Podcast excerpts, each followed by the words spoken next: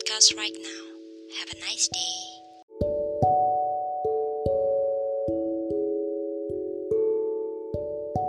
Hello, welcome back to Sagi Podcast.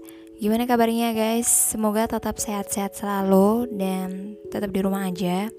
Karena dengan kita nurut buat di rumah aja, kita membantu pemerintah dan para tenaga kesehatan buat memerangi virus COVID-19 ini. Mungkin perasaan kita udah yang cemas, jenuh, bosan, pengen keluar, tapi uh, sekali lagi kendalikan diri kalian karena dengan kita tetap di rumah aja, kita bisa menghentikan penyebaran virus ini. Semangat buat kita.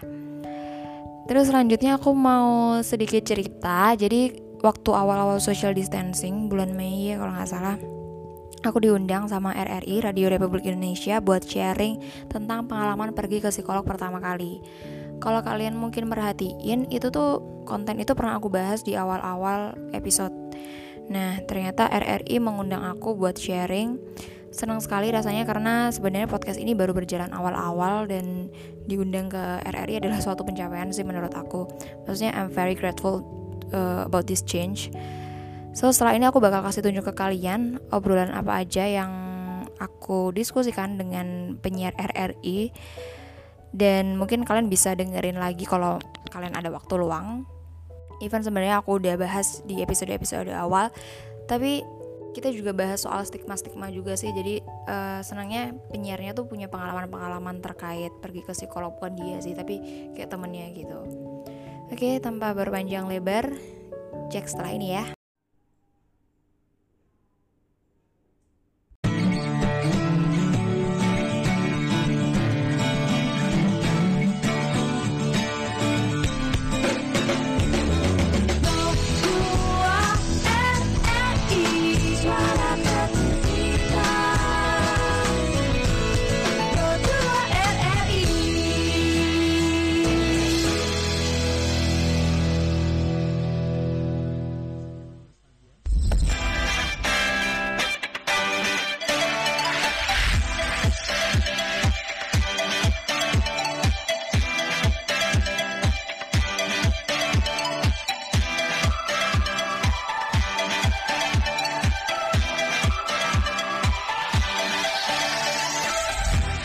Langsung dari Jalan Pemuda 8290 Surabaya, sahabat kreatif kali ini bareng Safal Chandra di sharing session dan tentunya sharing session edisi Senin 23 Maret 2020.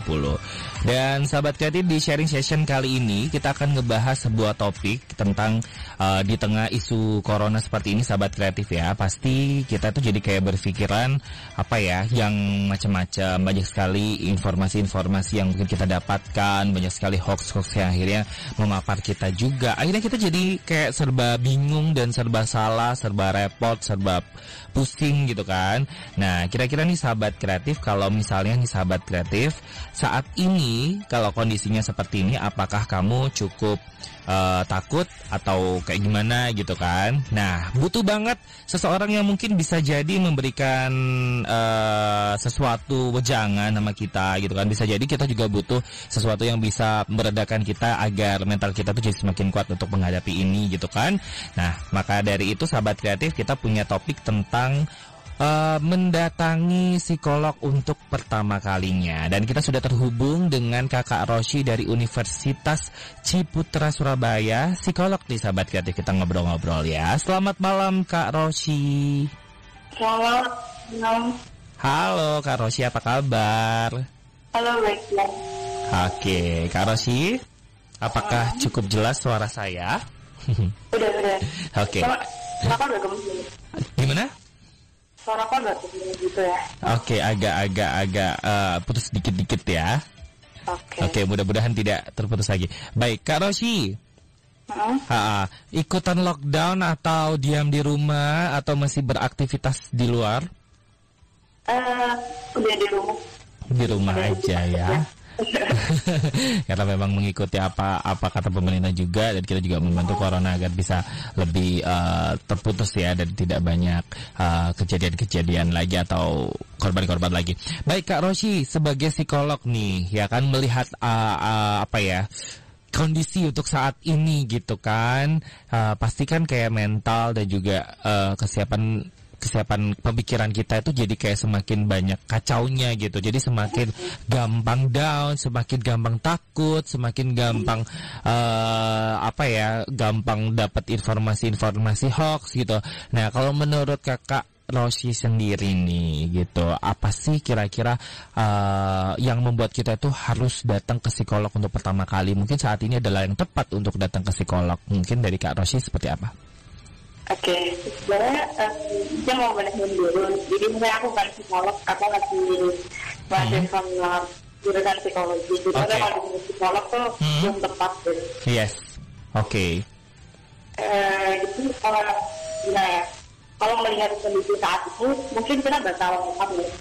eh, banyak cerita soal orang-orang yang Hmm. COVID nah itu pasti bikin kita jadi takut khawatir cemas kalau misalnya kita kita ataupun keluarga kita mungkin terkena corona itu tersebut Hmm. uh, that's why mungkin uh, di kondisi seperti ini banyak banget psikolog-psikolog yang mulai menawarkan jasa mereka secara free Ya. supaya uh, masyarakat ini bisa apa ya intinya bisa meredakan kecemasan mereka gitu Iya.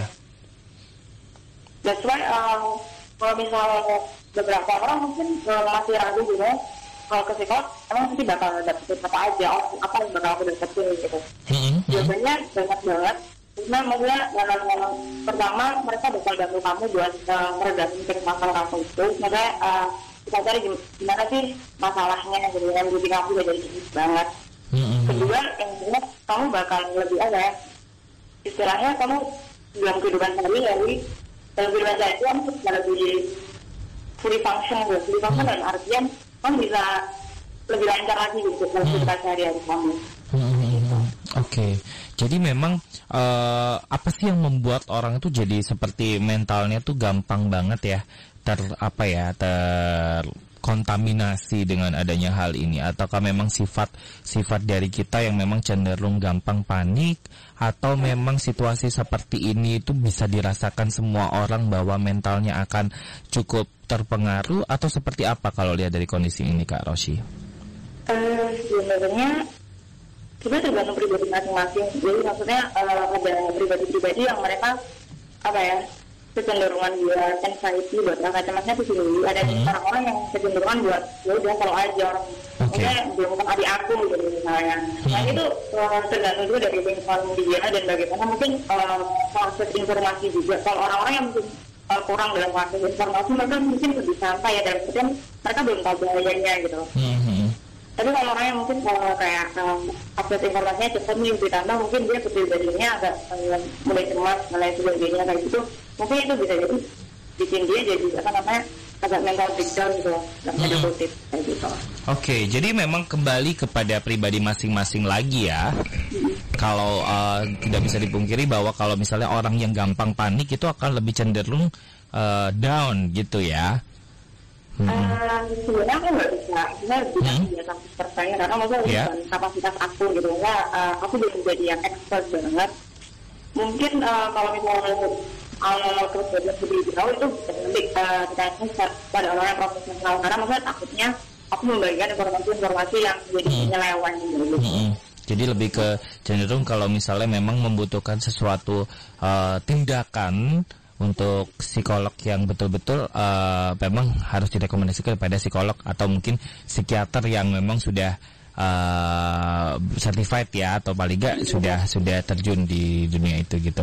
Tapi kalau misalnya kita balik lagi kepada topik bahwa uh, psikol berangkat pergi ke psikolog untuk pertama kalinya nih, nih. Uh, topik itu sendiri sih kalau misalnya dari kacamata Kak Rosi, apakah memang eh ini pertama kali banget gitu ya? Atau mungkin kenapa sih kok sampai dibilang untuk pertama kali gitu? Apakah memang kecenderungan orang Indonesia itu sangat jarang sekali untuk berangkat ke psikolog? Atau kayak gimana nih? Sebenarnya kalau namanya beberapa orang tuh have no idea gitu ketika mereka melakukan sesuatu, sesuatu hal itu pertama kali gitu. Dan salah satunya adalah topik yang banget aku consider adalah psikolog gitu. Sesuai aku juga dengar bikin podcast sekarang, namanya saya podcast.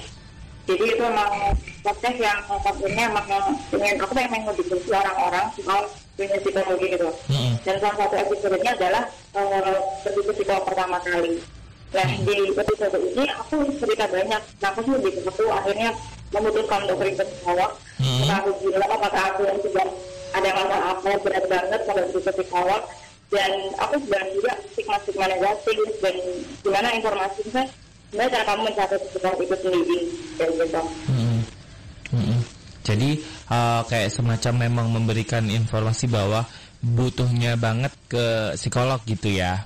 Nah, Oke, lalu untuk bisa orang kecenderungan untuk harus berangkat ke psikolog sendiri nih, misalnya kayak kita kan nggak tahu nih kak, misalnya aku tuh gampang misalnya bisa jadi eh, getting stress, misalnya bisa juga bap, lagi baper, bisa jadi lagi under pressure gitu. Tapi kadang aku tuh kayak nggak bisa gitu menentukan bahwa aku ini butuh ke psikolog atau butuh ke dokter atau butuh ke pijat. Nah, gitu kan aku aku aku stres itu I need massage more gitu ya. Dengan aku dipijit aku relax gitu. Nah, jadi untuk bisa menentukan I need uh, really need untuk going to uh, psikolog gitu, misalnya untuk bisa berkonsultasi itu apa tuh kecenderungannya yang harus aku ibaratnya kayak apa ya? eh kisi-kisinya apa yang harus membawa aku itu harus pergi ke psikolog atau sebenarnya nggak perlu atau kalau lu mau ke psikolog ya udah ke psikolog aja gitu nggak perlu ke Roshi seperti apa? Oke, jadi gini, sebenarnya awalnya bisa. Jadi makanya bisa bisa sama rasakan ketika kamu cemas, kamu harus psikolog gitu. Hmm. Misalnya ada orang yang mungkin eh, cemas dan dia bisa mengatasinya sendiri, Yes. mungkin bisa dengan meditasi atau mungkin eh, dengan dia melakukan hobi atau gimana bikin dia lebih tenang gitu. Hmm. Tapi ada beberapa orang yang dia sudah sangat cemas dan itu mengganggu kehidupan dia sehari-hari gitu loh. Hmm. Nah orang-orang yang dalam artian sudah mengganggu kehidupan dia sehari-hari yang udah eh, dalam arti relasi dia menjadi dulu gara-gara rasa dia Hmm. atau mungkin dia baru saja mengalami hal yang traumatis dan dia tidak bisa mengatasi itu itu adalah waktu yang tepat untuk mereka pergi ke psikolog gitu. Hmm, hmm, Oke, tapi sering banget eh, seseorang itu denial ya untuk eh, enggak I, I, I tough gitu. Aku kuat untuk bisa mengatasi ini semua gitu. Meskipun dia sebenarnya juga galau maksimal banget gitu. Nah, untuk bisa meyakinkan mereka yang tidak ingin biasanya kalau mau diobatin itu ya ibarat kata kalau misalnya kita mau ke dokter itu kita ada kecenderungan ingin sembuh gitu. Tapi kalau udah nggak mau sembuh yang gimana dong gitu kan? Atau misalnya enggak kok aku nggak sakit kok kayak gitu kan? Nah itu untuk bisa hmm, apa ya untuk psikolog sendiri ya meyakinkan bahwa eh, oke aku bisa kok bantu kalian itu lebih kepada apa kepada eh, ada dorongan dari teman atau dari psikolog yang harus bersosialisasi kepada calon pasien atau kesadaran pasien sendiri gitu Oke, sebenarnya anak semua itu semua bisa. Itu tuh kayak kolaborasi. Dan artian teman kita bisa aja dia berkontribusi dalam supaya kita ke psikolog. Mm-mm. Dan salah satu hal yang mungkin eh, gini, yang apa ya, menghadapi orang buat ini salah satunya ada stigma negatif masyarakat gitu. apa Ya, gimana gimana stigma negatif.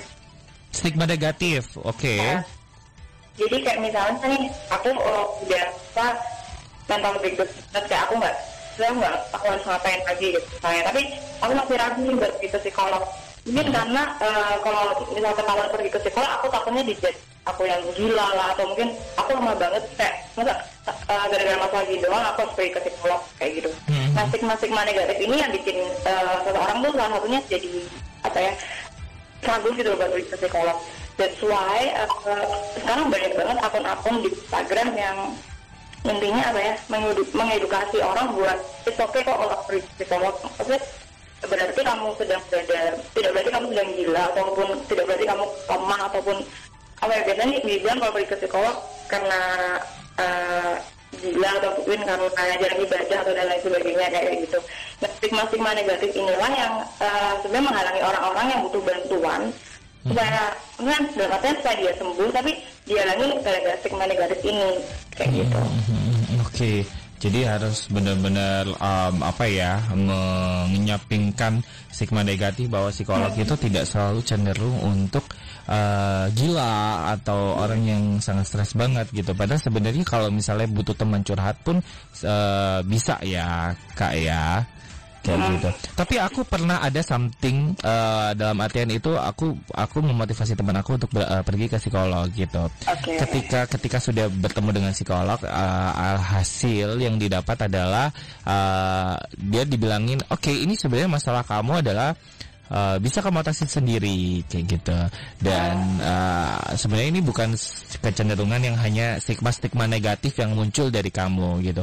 Jadi itu ada jawaban-jawaban yang uh, psikolog mungkin benar banget. Sebenarnya itu adalah uh, apa ya adalah suatu jawaban yang mungkin saat itu memang benar yang akan yang diberikan kepada seseorang tersebut bahwa kamu butuh sekali untuk uh, membantu dirimu sendiri. Lalu ketika kembali ke ke rumah, otomatis, kan gue tadi butuh bantuan, terus sekarang gue harus nyelesain diri gue sendiri.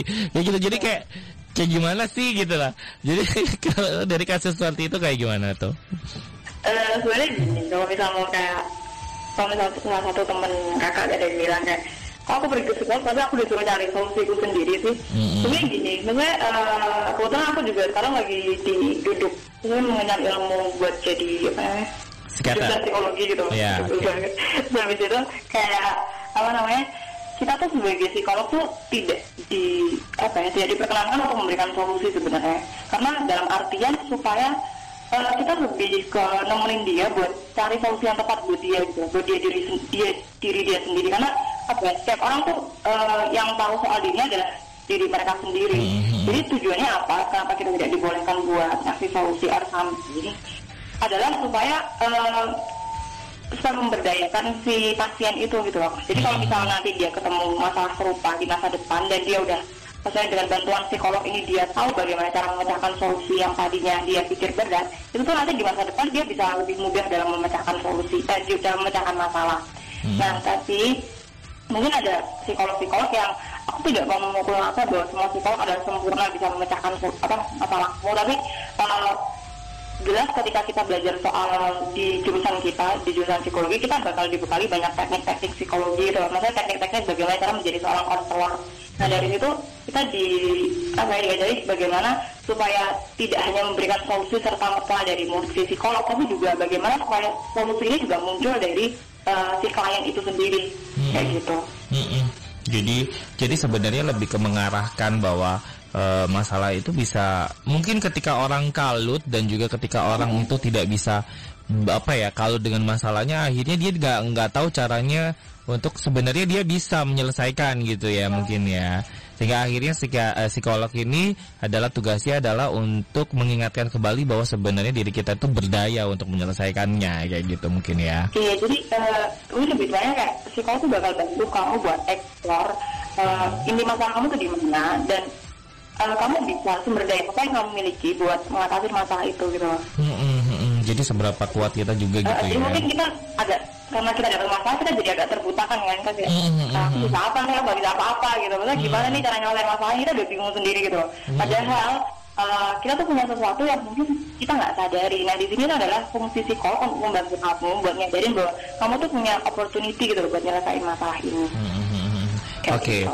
lalu ada kasus seperti ini lagi nih. Ah, ketika itu aku membawa dua orang yang berbeda kepada psikolog dan satunya itu sudah pernah punya experience untuk datang ke psikiater, yang otomatis itu lebih needs dengan medisin atau dengan obat-obatan gitu ya.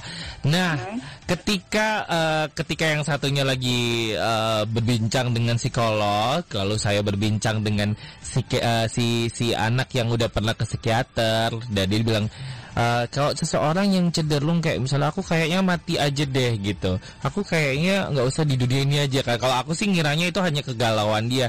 Tapi bagi anak yang pernah ke psikiater ini malah justru dia tuh butuh obat banget. Dia butuh ke psikiater. Dia nggak cukup ke psikolog karena dia tuh udah pernah mau bunuh diri dan segala macam bla bla bla bla bla bla bla. Sehingga akhirnya memunculkan uh, spekulasi bahwa ketika seseorang yang udah pernah ke psikiater kayaknya dia selalu melulu butuh obat butuh obat dan obat. Untuk menyelesaikan orang yang ibaratnya ada kecenderungan kayaknya aku mati aja padahal itu kadang kan di mulut aja ya. Itu kayak kecenderungan ini anak harus ke psikiater nih. Entah entah bagaimana cara psikiater itu memberikan apa ya eh, dampak kepada nih anak gitu. Meskipun sebenarnya dari segi psikolog tadi eh, sangat tidak dianjurkan ke psikiater karena anak ini masih berdaya banget menyelesaikan masalahnya. Nah, berarti kan otomatis kayak eh, eh, si yang pernah ke psikiater ini kayak lebih kebutuhannya lebih banyak banget gitu. Eh, apakah itu tidak memberikan kecenderungan butuh dalam artian oke aku butuh psikiater nih aku butuh psikiater aku aku galau ke psikiater nih aku butuh obat nih kayak gitu menurut kasus seperti ini kayak gimana kak Rosi? Oke, sebenarnya kembali lagi pada kebutuhan masing-masing itu berbeda. Mm-mm. Nah, kalau misalnya ada orang-orang yang mungkin sudah dalam tahap yang eh, dia butuh nih buat eh, ke psikiater nih, buat maksudnya eh, misalnya dia saking cemasnya dia sampai dia tuh harus mungkin ditenangin dengan obat gitu, misalnya seperti itu. Nah, eh, kalau saranku dari, dari beberapa buku yang aku baca tuh, eh, first kita bisa pergi ke psikolog dulu. Oke. Nah, dari situ mungkin nanti psikolog kamu, kalau misal kamu eh, sangat dibutuhkan buat dirujuk ke psikiater, eh, mereka akan dengan senang hati buat kamu merujukin kamu ke psikiater gitu. Tapi kalau misal eh, melihat kondisi kamu bahwa eh, itu oke kok kamu maksudnya kamu masih bisa buat survive gitu, kamu tidak perlu obat-obatan gitu. Karena maksudnya efek obat-obatan tidak eh, melulu baik gitu kan untuk Yes. buat tubuh.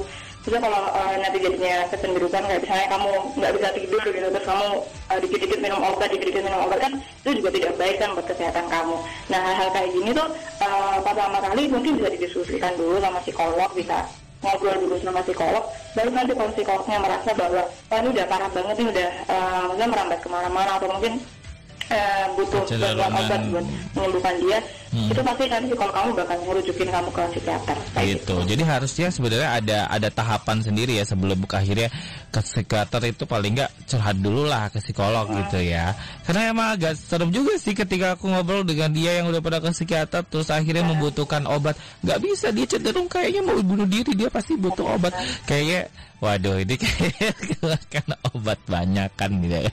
Iya mungkin dia, maksudnya mungkin dia kebutuhannya adalah pergi ke psikiater. Maksudnya dengan dia pergi ke psikiater, dia merasa tenang karena diberi obat. Itu mungkin bisa jadi kan. Yes. Kebutuhan dia adalah eh, dengan pergi ke psikiater, dia merasa lebih tenang gitu. Tapi apakah kalau misalnya hmm, ya nggak tahu juga sih apakah psikiater itu ada sudah saat itu sudah memberikan sesuatu yang tepat berupa obat tadi eh, hingga akhirnya anak ini sudah langsung kecenderungan butuh obat atau gimana eh, maksudnya ataukah tapi sebenarnya kalau psikiater itu tanpa ngasih obat juga nggak masalah kan sebenarnya Enggak sih kak Kalau psikiater aku kurang tahu karena dia eh, basicnya lebih ke dokter. lebih ke ke dokter ya kan ha, ha, ha, ha, ha. Ilmunya beda-beda gitu. yes Jadi betul kalau untuk psikiater aku secara eh, permukaan tahunya soal kayak gitu sih. Mm, mm, mm, mm. Nah, antara psikolog dan psikiater mereka kayak kolaborasi lah istilahnya karena mereka sama-sama eh, pengen apa ya, bahasnya soal kesehatan jiwanya manusia gitu. Mm, mm, mm, mm. Jadi saling kolaborasi yang satunya memang secara eh, psikisnya eh, psikis dan itu psikis tapi dengan maksudnya bisa fisik yang sudah mempengaruhi fisik mungkin ya udah udah mulai pukul-pukul badan udah sudah melukai diri gitu kan. Jadi kayak gitu. Jadi memang kita perlu banget. Cuman memang untuk sementara ini dalam dalam sampai tahun 2020 memang kalau di dunia psikiater sendiri dan juga psikolog sendiri mulai populer itu dalam artian sudah bisa dijadikan rujukan untuk bisa jadi teman curhat itu di tahun berapa sih? Eh, sebenarnya kalau populer tuh eh, isu apa ya, ini isu mental health tuh sebenarnya udah populer akhir-akhir ini gitu. Maksudnya Mhm. kita banyak bicara soal mental health, soal self love, soal eh, hal-hal yang itu terkait sama psikologi gitu. Hmm. Kalau misalnya ditanya soal populernya, populernya sejak kapan, sebenarnya aku kurang tahu. Tapi kalau misal eh, mulai santer dibicarakan akhir-akhir ini mulai santer banget, makanya banyak banget akun-akun Instagram yang bertumbuhan, maksudnya bahas soal eh, psikologi, dunia psikologi secara umum gitu, maksudnya gimana caranya supaya kita bisa dapat mental health yang baik gitu. Akhir-akhir ini banyak banget digalakan sih. Oke, jadi itu.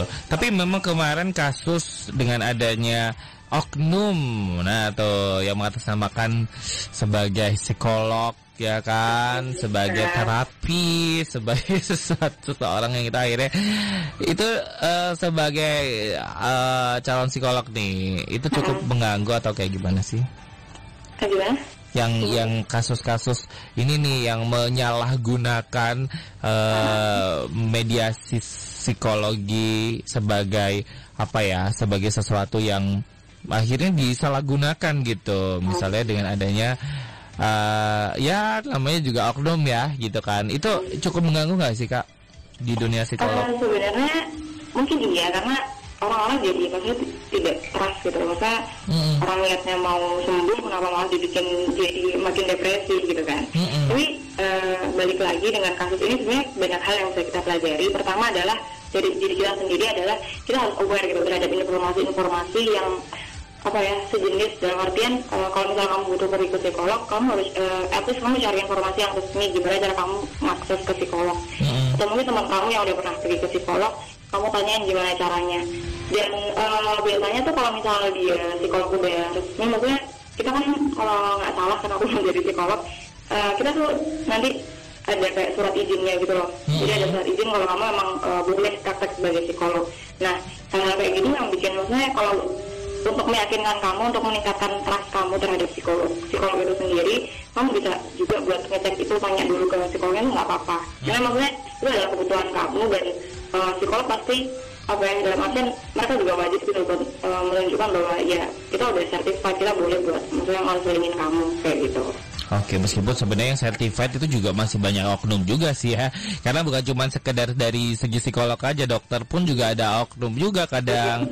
Mm-mm, kadang misalnya kayak uh, aparat-aparat pun juga kalau memang kita bisa uh, kalau kita lihat oknum sih akhirnya jadi kayak kita mungkin lebih banyak nggak trustnya ya. Tapi sebenarnya banyak banget psikolog yang uh, trusted ya, yang maksudnya oke okay untuk dijadikan uh, rujukan. Jadi tidak melulu kita harus takut gara-gara kasus yang kemarin gitu ya Kak Roshi gitu ya. Tapi tetap harus pila-pila lagi certifiednya juga seperti apa dan juga uh, paling enggak testimoni lah ya. Sama kayak misalnya mau beli barang kan kita harus cari tahu testimoninya banyak yang bagus atau tidak gitu ya. Uh. Oke. Okay. Baik Kak Roshi karena uh, kita ada waktu hanya 30 menit tapi kali ini ada kesempatan untuk Kak Roshi memberikan uh, mungkin wejangan untuk sahabat kreatif atau juga pesan-pesan khusus untuk sahabat kreatif agar uh, lebih aware lagi dengan mental health-nya dan juga untuk tidak takut berangkat ke psikolog. Silakan Kak Rosi.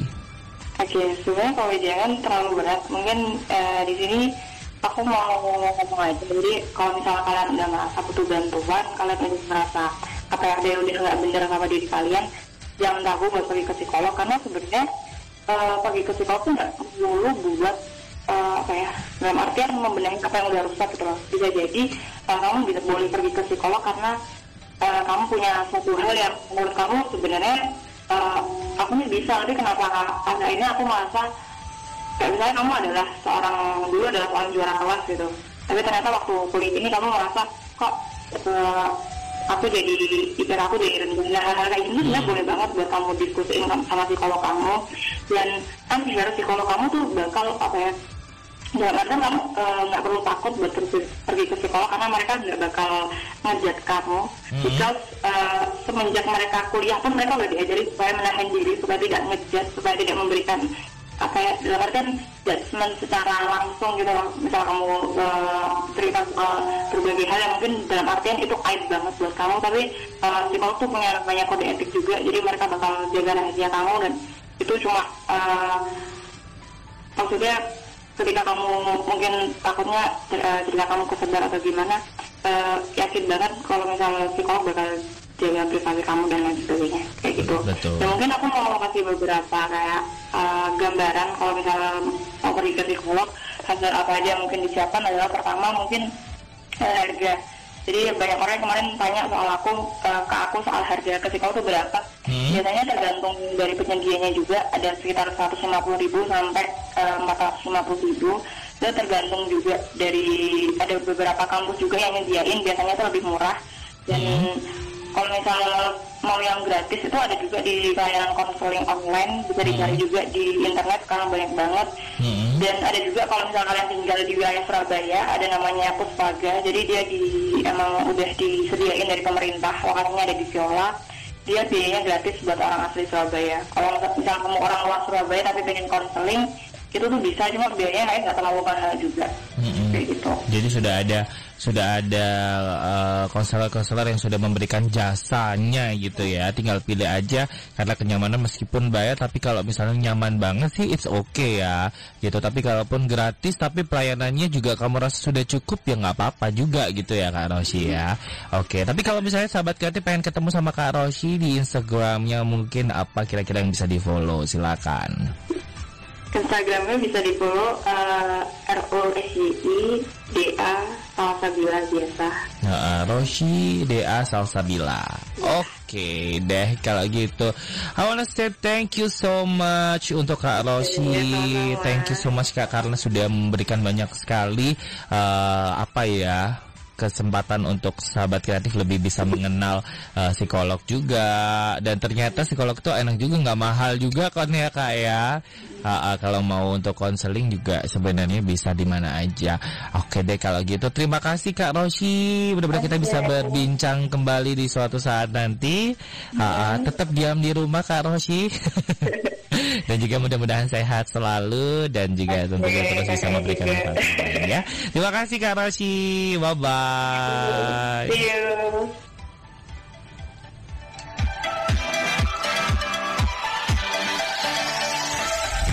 Ya, sahabat kreatif tadi obrolan seru barengan sama Kak Roshi ya. Jadi calon psikolog nih sahabat kreatif ya. Tentunya uh, dari teman-teman warga lokal juga yang sudah membantu untuk mengonekin barengan sama Kak Roshi. Oke, dan sahabat kreatif tentunya jangan lupa bahwa apa? Karena memang di saat-saat seperti ini kita butuh banget, butuh banget untuk bisa uh, menjaga mental health bukan cuma sekedar uh, psikis kita ya. Jadi jangan cuma sekedar fisik kita, tapi kita juga butuh mental health juga. Kita harus jaga hati, jaga pikiran supaya kita tetap tenang dan juga bisa berpikir secara jernih dan terbebas dari hal-hal yang tidak diinginkan. Oke, ya udah sahabat kreatif yang pastinya cara nanti bakal ketemu lagi sama kamu di Pro 2 online dan tentunya di Pro 2 online kita bakalan seru-seruan dengerin track-track enak cuma di 95,2 Pro 2 FM Suara Kreativitas Anak Muda Surabaya.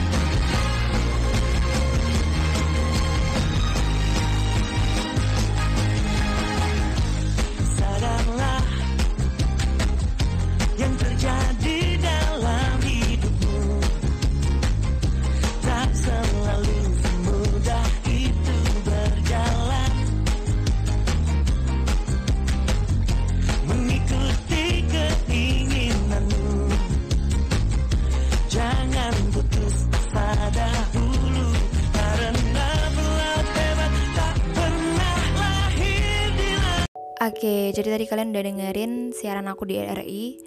Eh, semoga ada pesan yang bisa kalian ambil dari siaran tadi. Dan kalau kalian mungkin notice ada apa ya, suaraku kayak belibet atau nggak lancar atau mungkin kedengeran judes. Sebenarnya nggak guys. Mungkin karena aku deg-degan aja karena eh, this is my first experience sharing kayak gini di radio. So, pesan aku sekali lagi adalah tetap di rumah aja supaya virus ini segera selesai dan kita bisa main-main lagi di luar. Oke, that's all for today. Thank you for listening me and see you next time.